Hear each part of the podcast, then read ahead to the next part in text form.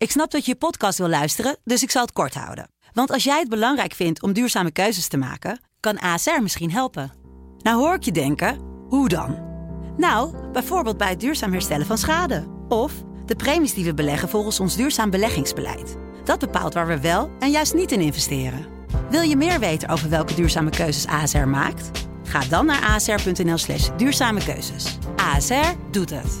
Zo, dan kan je nu lekker naar je podcast luisteren. Dit is de voetbalpodcast Kick-Off van De Telegraaf. Met chef voetbal Valentijn Driesen en Pim CD.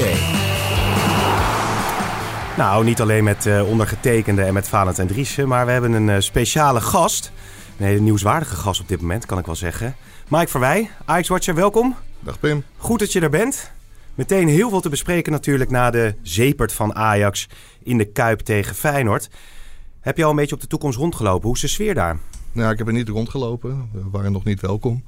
Maar de sfeer is uh, zoals die verwacht mag worden na 6-2.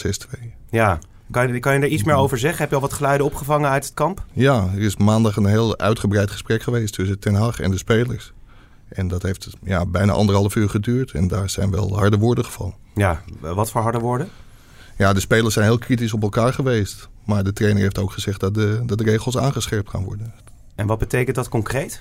Ja, dat de speldiscipline terug moet komen. En dat ze heel snel het voetbal van voor de winterstop weer terug willen hebben. En dat denken ze te kunnen doen door, door er veel korter bovenop te zitten als staf. Ja, het zal heel snel beter moeten met de Ajax, uh, Valentijn. Want anders dan, uh, kunnen ze wel fluiten naar de titel. Nou, ik vind het natuurlijk wel typerend. je bent uh, twee weken heb je winterstop, daarna ga je naar Amerika, dan ga je alle puntjes op de i zetten. En uh, toen hoorde ik alleen maar jubelende geluiden. En nou ja, Ajax was er helemaal klaar voor. En vervolgens speel je drie wedstrijden waarvan je twee alle afspraken negeert die er gemaakt zijn. Ja, dat betekent dus dat, dat spelers op dat moment niet luisteren naar de staf. Hè. De staf heeft een bepaald idee.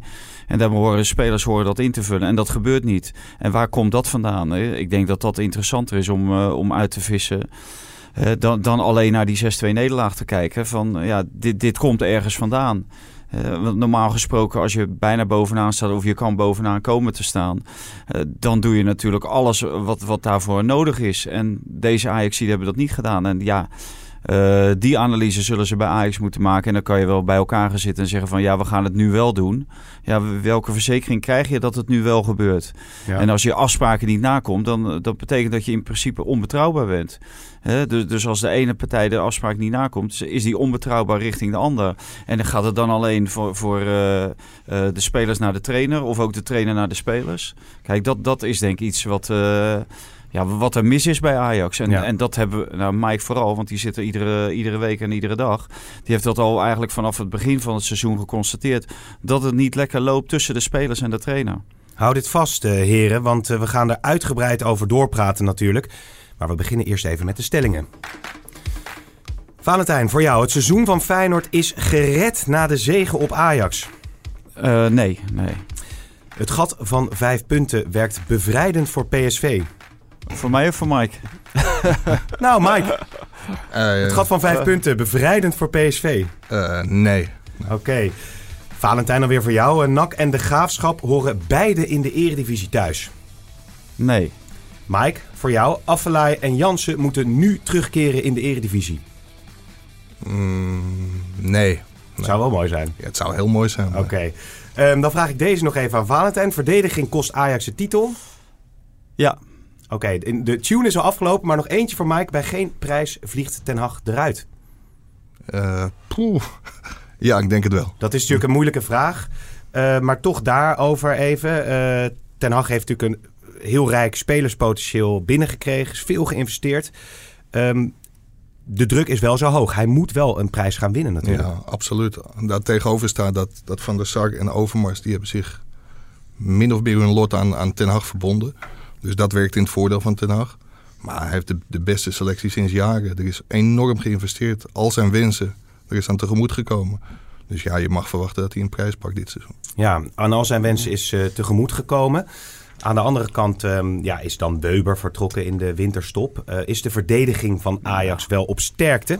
Ja, maar ja, nu, nu is ineens uh, Weber uh, het, het geheime wapen. Tien tegendoelpunten in twee wedstrijden. Ja, ja, nou ik kan niet... Ja, en uh, hij heeft heel vaak natuurlijk niet meegedaan. En toen kregen ze geen tegendoelpunten. Kijk, er valt, je kan er linksom of rechtsom kan je erover discussiëren. Maar Weber mag het verschil niet maken. Zoals ook het wegvallen van Tagliafico het verschil niet mag maken. En ook het wegvallen van Matthijs de Ligt tegen PSV mag het verschil niet maken. Maar het, het, is wel problematisch, want nu heeft hij drie dingen geprobeerd. Hè. Mazarui heeft hij linksback gezet in plaats van Tagliafico. Uh, Daily Blind uh, heeft hij linksback gezet. Nou, hij heeft geschoven met Magellan, heeft hij, heeft hij geschoven. Sinkgraaf heeft, heeft er gespeeld. Ja, dat, dat zijn allemaal keuzes die niet goed hebben uitgepakt. En, ja, en dan ga je je wel afvragen van... ja, betekent dit niet dat je defensief zo kwetsbaar bent op het moment dat er een van je belangrijke spelers wegvalt. En dan heb ik het over de licht en uh, Tagliafico in dit geval. Uh, dat je zo kwetsbaar wordt dat je daar de titel mee gaat verspelen. Ja, Mike, uh, werd gehaald ook met het oog op het volgende seizoen. Daar hebben wij het eerder ook over gehad. Um, hij is nu voor de leeuwen gegooid tegen Feyenoord in de Kuip. Um, is dat een logische keuze geweest eigenlijk? Want je zag in die wedstrijd dat hij het wel even kwijt was. Ja, ik, ik vond het wel een logische keuze. Ik denk zelfs dat hij voor de competitie thuis tegen Herenveen Magellan gewoon had moeten opstellen. Voor de beker ging dat, ging dat redelijk goed. Alleen in de Kuip pakt het helemaal verkeerd uit. Maar dat lag niet alleen aan Magellan. Nee, want het ligt dan niet alleen aan één speler. Maar als je dat analyseert, ik bedoel, Masraoui speelde dramatisch. Uh, speelde niet goed. De licht probeerde het misschien nog wel. Blind speelde niet sterk. Hoe kan het dat een team in het geheel tekort schiet. Waar, waar zit hem dat in, denk jij? Nou ja, aanvankelijk uh, schoot het natuurlijk niet tekort. Want als het 0-2 wordt, heeft uh, Feyenoord helemaal niets te vertellen. Alleen de zaak is totaal in elkaar gestort. En ik denk toch dat dat voornamelijk te maken heeft met uh, onder andere de rol van Robin van Persie.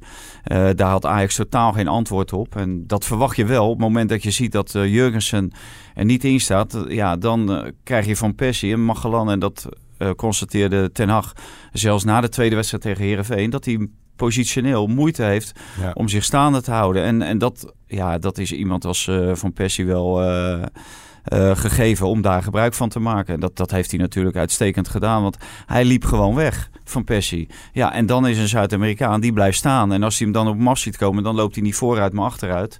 Die verdedigers vaak, ja met, met Van Persie, die, die, die was natuurlijk de, de grote architect van dit. Uh, maar, maar even, ik bedoel, uh, ik heb vroeger bij de B2 gevoetbald. En dan, dan kon je ook, had je misschien ook de trainer die zei van ja, er staat daar een spits.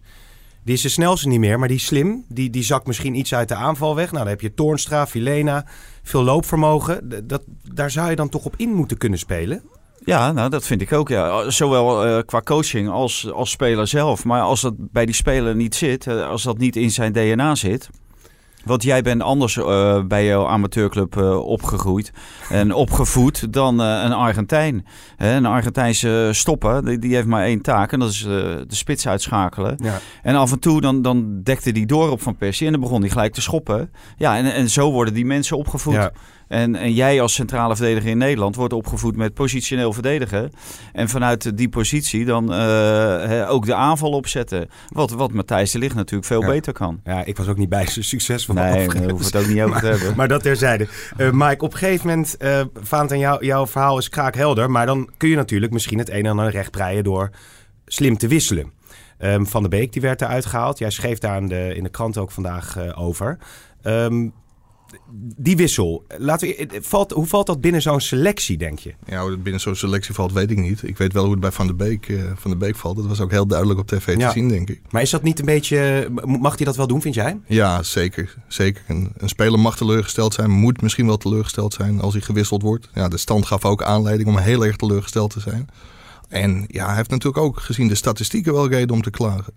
Want van de 24 keer dat hij in de basis startte werd hij 14 keer naar de kant gehaald. En ja, dat, dat kan. Maar er waren misschien wel andere spelers nu Ja. wel veel rijper voor een wissel. Ja, en, en Van der Beek heeft scorend vermogen. Nou, als je 4-2 achter staat, heb je scorend vermogen nodig. En, dat- en dat heb je met Van, eh, met van der Beek wel. Hè. Die wedstrijd tegen Herenveen maakt hij er twee. En het is iemand die wel een, bewe- een, een lopende speler, bewe- veel beweging heeft. Hetzelfde wat Toornstra bij, bij Feyenoord heeft. Hè. Die wordt nu geroemd. En terecht hoor, hij heeft een geweldige wedstrijd gespeeld. Maar die kwaliteiten, die heeft Van der Beek ook. En die heeft hij eigenlijk meer nog dan, To- dan Toornstra. Ja, ja, ja, uiteindelijk dus eh, tien tegendoelpunten in twee wedstrijden. Matthijs de Licht, ehm, die zei het ligt echt niet alleen aan de verdediging. Natuurlijk, eh, met 10 tegengoals wordt er snel naar de verdediging gekeken. En dat is ook terecht. Eh, wij wij eh, als verdediging eh, nemen onze verantwoordelijkheid ook voor. Maar ik denk niet dat het eh, alleen aan de verdediging ligt. Ja, het ligt niet alleen aan de verdediging. Eh, lag het bijvoorbeeld ook aan het meelopen van noem een Tadic, noem misschien middenvelders, Mike? Ja, duidelijk. Maar ik vind wel dat je kunt zeggen, het ligt niet alleen aan de verdediging. Maar het was wel heel opvallend dat drie verdedigers echt dramatisch speelden. Masraoui was dramatisch, Daley Blind was dramatisch, Magalan was Ja. dramatisch. Dus dan kun je wel zeggen, van, het lag niet alleen aan de verdediging, dat klopt. Maar de verdediging mag ook wel de hand in eigen boezem steken. Nou, nog even één ding over Donny van der Beek. Eh, jij schreef ook vandaag dat hij heel eh, loyaal is eigenlijk. Hè? Ehm, toch was hij ook wel geïrriteerd hè? in het begin dat hij, dat hij gewisseld werd. Heeft ook duidelijk laten blijken. Nou, hij niet zozeer hoor. Dat was Nee? destijds de zaakwaarnemer die daar iets over, Ja, precies. over zei. Want wat, wat jij, waar jij op doelt is meer zijn loyaliteit ten opzichte van Ajax. Ja, ja, het is een echte jongen van de club. Ligt ook heel goed bij de supporters. En het, het, het is geen klager. En Nee. ja, dat zo'n jongen zo reageert, dat zegt ook wel iets over het wisselbeleid van Ten Hag. Ja, Want het zijn allemaal één op één wisseltjes. Heel voorspelbare wissels. En het waren geen wissels die echt iets teweeg brachten in deze, in deze wedstrijd. Eh, nog één ding voor jou, Valentijn. Eh, jij stipte aan dat er ook in de kleedkamer wat onrust was rondom het bekerduel tegen Herenveen. Hoe zit dat? Nee, nou, er zijn natuurlijk spelers die, die willen graag alles spelen. En eh Hakim Ziyech, eh die is, eh, dat is zo iemand.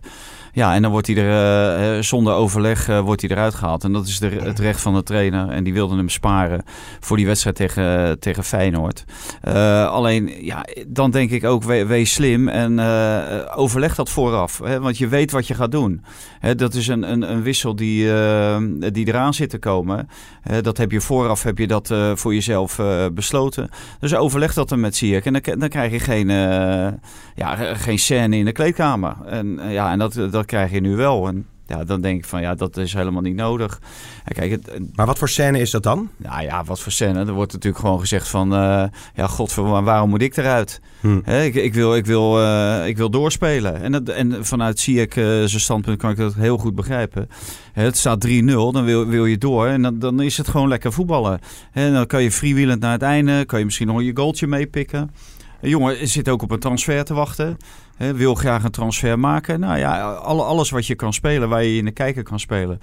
Ja, dat, eh, dat wordt hem dan eh, even afgenomen. Aan de andere kant, dan moet je je ook tegen Feyenoord gewoon laten zien. Als je daar eh, de kaart trekt en ervoor zorgt dat je daar met drie punten wegloopt, dan ben je ook de gevierde man en dan ziet ook de hele wereld het. Nou, nog even over die... Ja, Mike, zeg maar. Ja, dat, dat is ook een beetje het repeterende verhaal hè, bij, bij Ten Hag. Dat hij, ja, het is geen people manager. David Neres, die speelde voor zijn gevoel zijn beste wedstrijd ooit voor Ajax in München. Ja, sindsdien is hij zijn basisplaats zo goed als kwijt. En dat wordt gewoon niet uitgelegd. Sterker nog, er is de afgelopen twee, drie maanden niet met die jongen gesproken. Vervolgens komt er een grote club uit China, wil hem kopen. Hij mag niet weg. Nog steeds wordt er niet met Neres gesproken. En dan speel je voor de beker thuis tegen Herenveen. Toch een uitgelezen kans om hem in de basis te zetten. Staat niet in de basis. En pas als hij verhaal komt halen, dan wordt er gezegd: ja, maar jij speelt de tweede helft. Ja, dat is niet de manier waarop je met Zuid-Amerikanen moet omgaan of met spelers moet omgaan. Ja. Dat, dat kan gewoon anders. Kijk, nou eh, zijn jullie eh, eh, kritisch op, op, op Ten Hag, eh, op hoe het gaat dit seizoen. Er wordt natuurlijk ook veel op gereageerd door fans, misschien ook andere journalisten, minder belangrijk. Maar van ja, is dat nou... Weet je, het, het gaat toch crescendo in de Champions League. Ze hebben nu nog steeds kans om, om kampioen te worden en de beker te winnen. Ik voel als ik nu met jullie aan het praten heb dat het, dat het, dat het een beetje broeit.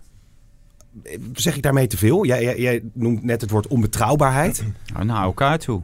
Ja, ze zijn maar dat is natuurlijk naar funest. Ja, natuurlijk is dat funest. Ja, natuurlijk is dat funest. Maar het is natuurlijk eh, typerend dat eh, eh, Erik ten Hag die constatering moet maken na een wedstrijd tegen, tegen Feyenoord. En dat hij dus gisteren alle neuzen weer dezelfde kant op moet zetten. Maar dat hij de discipline moet aanhalen, de speldiscipline.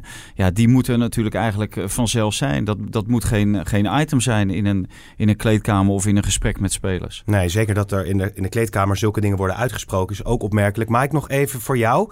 Ehm, als we nu kijken naar de rest van dit seizoen. Nou, ze hebben de koppen bij elkaar gestoken. Maar wie denk jij dat er nu op gaan staan? Ofwel in de technische staf, ofwel in de selectie, de spelerselectie zelf. Om het alsnog recht te kunnen breien voor Ajax. Wie zijn daar de aangewezen personen voor? Ja, dat, dat zijn de, de logische spelers. Zeg maar, de ervaren jongens die ook al eerder in het seizoen zeg maar, een pact hebben gesloten. Om, om met een prijs uit Amsterdam te vertrekken. Dus dat zijn, dat zijn Blind, dat zijn Tadic, dat zijn De Licht. Maar ook Frenkie de Jong. Siek, zeker. Die, die zullen Ja. echt de kar moeten gaan trekken. Ja. En Ajax heeft natuurlijk wel één heel groot voordeel. Ze spelen nu tegen VVV thuis. Dan tegen Heracles uit. Vervolgens komt NAC naar de arena. En dan spelen ze ADO uit. Dus het programma is er ook wel voor gemaakt om weer helemaal terug in die titelrace te komen. Ja. En het kan nog gewoon een heel mooi seizoen worden. Maar voor hetzelfde geld wordt er over een paar maanden weer gezongen. eh, helemaal niets in Amsterdam. Want dat is ook gewoon nog een heel, eh, heel reëel scenario. Ja, en in Amsterdam worden ze daar heel eh, chagrijnig van. Eh, er is iemand die enorm gelukkig is geworden van eh, de zeepert van Ajax. eh Ruudje Gullit. What is here in Chelsea. What happened? 6-2! No! 6-2! No! And really? Is it finished? Schaterlachende Ruud Gullit op Stamford Bridge. Feyenoorder, hè? Ruud is echt een Feyenoorder, altijd. Hij is, hij is, hij is eh, ja, dat moet ik niet zeggen. Hij is een meer anti-Ajax dan, eh, dan Feyenoord. Nee, hij is echt een Feyenoorder. Ik maak natuurlijk die column met hem en eh, ja, hij heeft gewoon een... een bijzonder gevoel bij die club. Ja, en als je dan in, in Londen en je loopt daar het veld op van Chelsea, dan verwacht je natuurlijk niet een, een vrouwtje eh, met, met een Feyenoordjas aan Ja. op het veld. Ja, en, en die eh, jou dan aanspreekt. Dus eh, ja, en Ruud kan natuurlijk overal de humor wel van inzien. Dus ja, dit, dit is een geweldig, eh, een geweldig stukje. Hij had hem trouwens gedeeld hè, onder Ajax-vrienden. Ja. Het was niet de bedoeling dat, eh, dat op sociale media, maar er was wel één Ajax-vriend eh, zo goed om eh, dit filmpje toch te delen met, de met de hele wereld. En eh, ja, dit is Ruud en voeten uit natuurlijk. En of je nou eh, voor, voor Ajax, Feyenoord, PSV eh, of eh Heracles of de Graafschap bent... Die, die ontlading van die Feyenoord supporters ook... Ja. Ah, dat was, dat was weergeloos, Mike. Heb je Ja. dat eh, meegekregen? Die, die, die koppen, man. Dat was echt ja, uitzinnig gewoon. daar, daaruit sprak hoe belangrijk deze overwinning voor, voor de fans Ja. van Feyenoord is. En hoe lang ze daar ook op, op hebben moeten wachten. Dit, dit is emotie. Ja, dat spat er vanaf nadat het eh, heel lang heeft geduurd voordat ze deze... Ja, en, en ik vroeg eh, aan Valentijn, maar ik kan hem nu ook even aan jou doorgeven. Is het seizoen van Feyenoord gered met die overwinning? Eh, je zou zeggen gevoelsmatig dus wel. Nou Ja, als ze er in de beker in de halve finale nog een keer in slagen om van Ajax te winnen, dan eh, ja, zou, Dan je bijna, hele... zou je bijna zeggen dat ze een DVD kunnen uitbrengen. Maar al- als ze die winnen en dan ook nog de finale winnen, ja, dan is het seizoen zonder meer geslaagd. Valentijn. Ja, nou ja, ze moeten die wel halve finale. Want je moet een prijs pakken. Eh Feyenoord staat zo ver achter op eh, Ajax en PSV. En dat kan je niet eh, goed maken met één wedstrijd. Hoewel dat een historische overwinning is. Eh, uiteindelijk gaat het om eh, waar sta je aan het eind van de rit. En sta je dan wel met eh, zilverwerk in je handen of niet. En dat, hetzelfde geldt voor Ajax. Ajax moet ook een prijs pakken. Ajax is gewoon nog op drie fronten actief. Ja. En als je dat in februari nog bent, ja, dan moet je, een, moet je een prijs pakken. En anders is het seizoen niet geslaagd. En, en voor Feyenoord, die zijn er op één front actief. En die moeten ook een, een prijs pakken om een seizoen geslaagd te laten maken. Ja. En voor PSV gel- geldt hetzelfde. Dus ja, eh, een van de drie zal uiteindelijk blijken dat er sowieso geen eh, ge- geslaagd seizoen is. Maar ik, ik vind deze, deze clubs die zijn, die zijn verplicht om een prijs te pakken. En tegelijkertijd eh, is het meteen ook misschien een beetje spannend voor Feyenoord als je naar het volgende seizoen kijkt. Want Van Persie was zo ongelooflijk belangrijk in die klassieker. Ja, is Van Persie überhaupt wel op enige manier te vervangen volgend seizoen eh, voor, Ja. Voor Ja, Feyenoord? nou, kijk, twee jaar geleden hadden wij die podcast niet. Maar toen had jij aan mij gevraagd van, eh, is Kuit te vervangen? Nou, Ja, het is toch een andere categorie spelen, toch? wie? Kuit is toch een andere categorie Ja, maar Kuit wordt wel kampioen met, met Feyenoord. Ja. En, eh, Speelde niet eens meer alles in de basis overigens. Nee, uiteindelijk staan er altijd weer andere spelers op. Eh, ik zeg altijd van eh, de onmisbare die liggen, die liggen op het kerkhof. Eh, en, eh, de- dus eh, er komen weer nieuwe spelers aan, ongetwijfeld. En, eh, ja, en da- dat is een taak voor Martin Vergeel om, om dat weer een elftal eh, neer te zetten voor die nieuwe trainer die, die Ja. daar gaat komen. En het blijft toch wel, Mike, als je kijkt naar die wedstrijd, misschien opvallend dat Feyenoord fantastisch speelt. Toornstra goed, Filena goed, eigenlijk ook, maar ook, ook de backs, hè, waar altijd veel kritiek op is geweest, spelen hartstikke goed. Hoezo is dat niveauverschil zo groot, denk jij? Ja, dat, dat is een punt waar, waar Feyenoord mee aan de slag moet. Hoe, hoe kun je bij Zwolle, Wil- Willem II, meen ik, ADO, thuis van Fortuna verliezen? Ja, en, en dan zo'n niveau halen tegen Ajax. Ja, Dat hoeft niet elke week dit niveau te zijn om, om te kunnen winnen in de Eredivisie. Maar je moet het wel aantikken. Ja, mooie uitdaging voor de nieuwe trainer in ieder geval. Laten we nog even naar de titelstrijd gaan. De titelstrijd. Ajax PSV. Die vijf punten, verschil.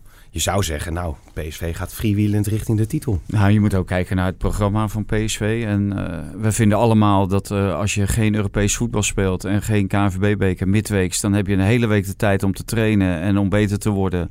Um, plus uh, de kans op blessures is kleiner. Maar aan de andere kant, als, je, als je drie wedstrijden in de week speelt, kan je ook in een bepaalde flow komen. Zeker als je, als je gaat winnen. Hè? Dan, uh, dan kan dat ook wel een voordeel zijn. En Europees voetbal betekent op een hoger niveau voetballen. Ja, dan, dan kom je dus terug. Hè. Dan ben je bij Real Madrid geweest. Dan kom je terug bij Excelsior. Of tegen Excelsior of tegen NAC. En denk je, ja, de, deze mensen kunnen helemaal niet voetballen. Uh, als wij twee keer gas geven, dan staat het 3-0 en dan zijn we er vanaf. Ja, ja en, en dan, dan, dan kom je in een, in een bepaalde flow, op een bepaald niveau. Dat je misschien bijna niet meer te stoppen bent. Dus nou, ik, ik zeg vijf punten is niet, niet, uh, is niet een zekerheid dat uh, PSV kampioen wordt. En PSV zien struggelen tegen, tegen Groningen en daarvoor al tegen Emmen.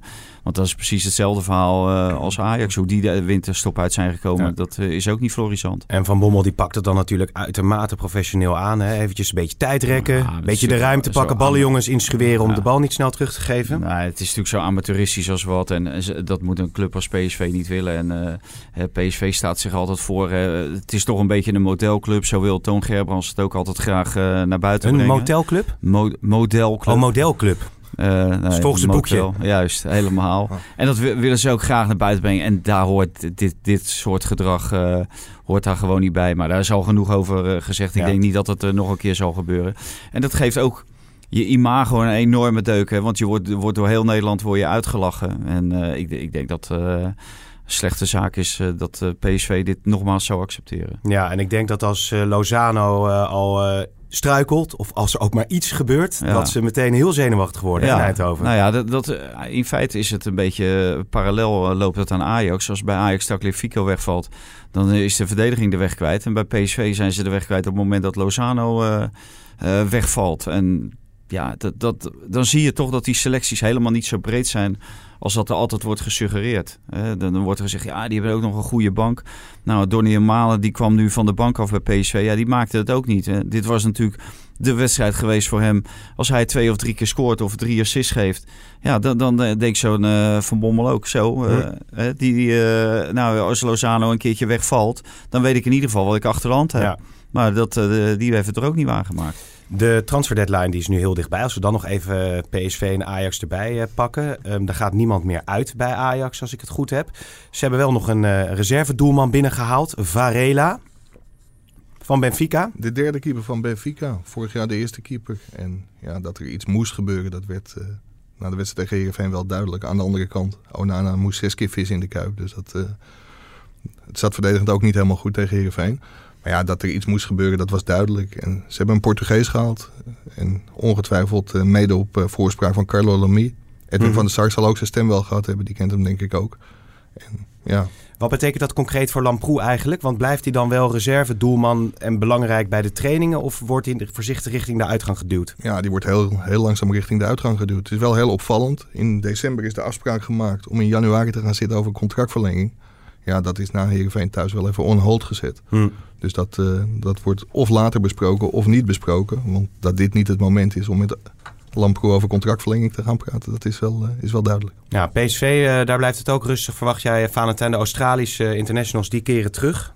Ja. Voor de rest geen uh, ontwikkelingen meer? Nee, volgens mij niet. Maar het, het, terugkeren van die Australische internationals is natuurlijk eigenlijk twee weken te laat. Omdat ze al twee punten hebben verspeeld tegen Emmen. En dat had waarschijnlijk niet nodig geweest met die Australische internationals. Uh, dan had je in ieder geval eentje nog uh, bij je verdediging uh, kunnen zetten. Maar ik verwacht daar ook geen, geen bijzonderheden. Nee, nee. Twee spelers die natuurlijk menige voetbalhart sneller hebben doen kloppen in het verleden.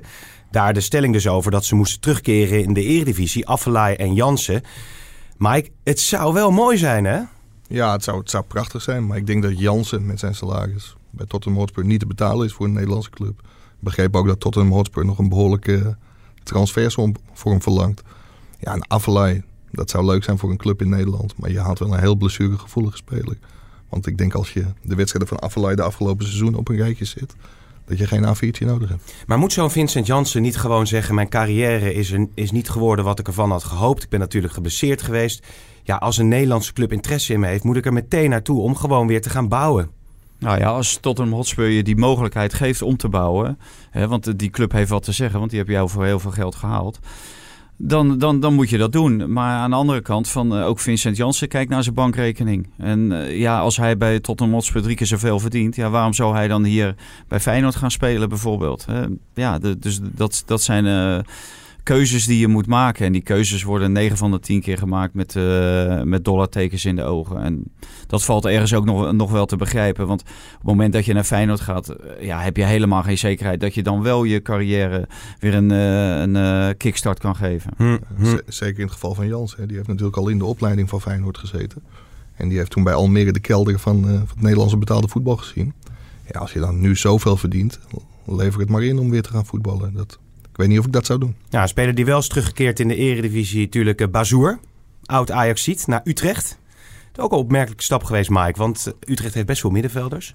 Moesten dat ook weer inpassen? Zijn natuurlijk niet zo lekker uit de winterstop gekomen. Nee, nee Bazoer uh, heeft in de gesprekken met Utrecht een uh, ja, hele gedreven indruk gemaakt. Wil via FC Utrecht weer naar de top. En ja, Utrecht wil hem die kans geven. Dick Advocaat wil hem die kans geven. Die kent hem ook van het Nederlands elftal. Ja, het is voor die jongen te hopen dat hij, uh, dat hij snel weer stappen maakt. Want het was natuurlijk gewoon een international. En je schreef over uh, John van der Brom natuurlijk. Die volgend jaar de coach gaat worden van uh, FC Utrecht. Daar zijn ze in de Bromstad. Hè? Telegraaf woordspeling. Hartstikke blij mee hè? Ja, ja, dat was al heel snel de, de beoogde opvolger van, uh, van Dick Advocaat. Ze hadden een lijstje. Ze hebben met Van der Brom gesproken. En ze zijn eigenlijk nooit verder gegaan op dat lijstje.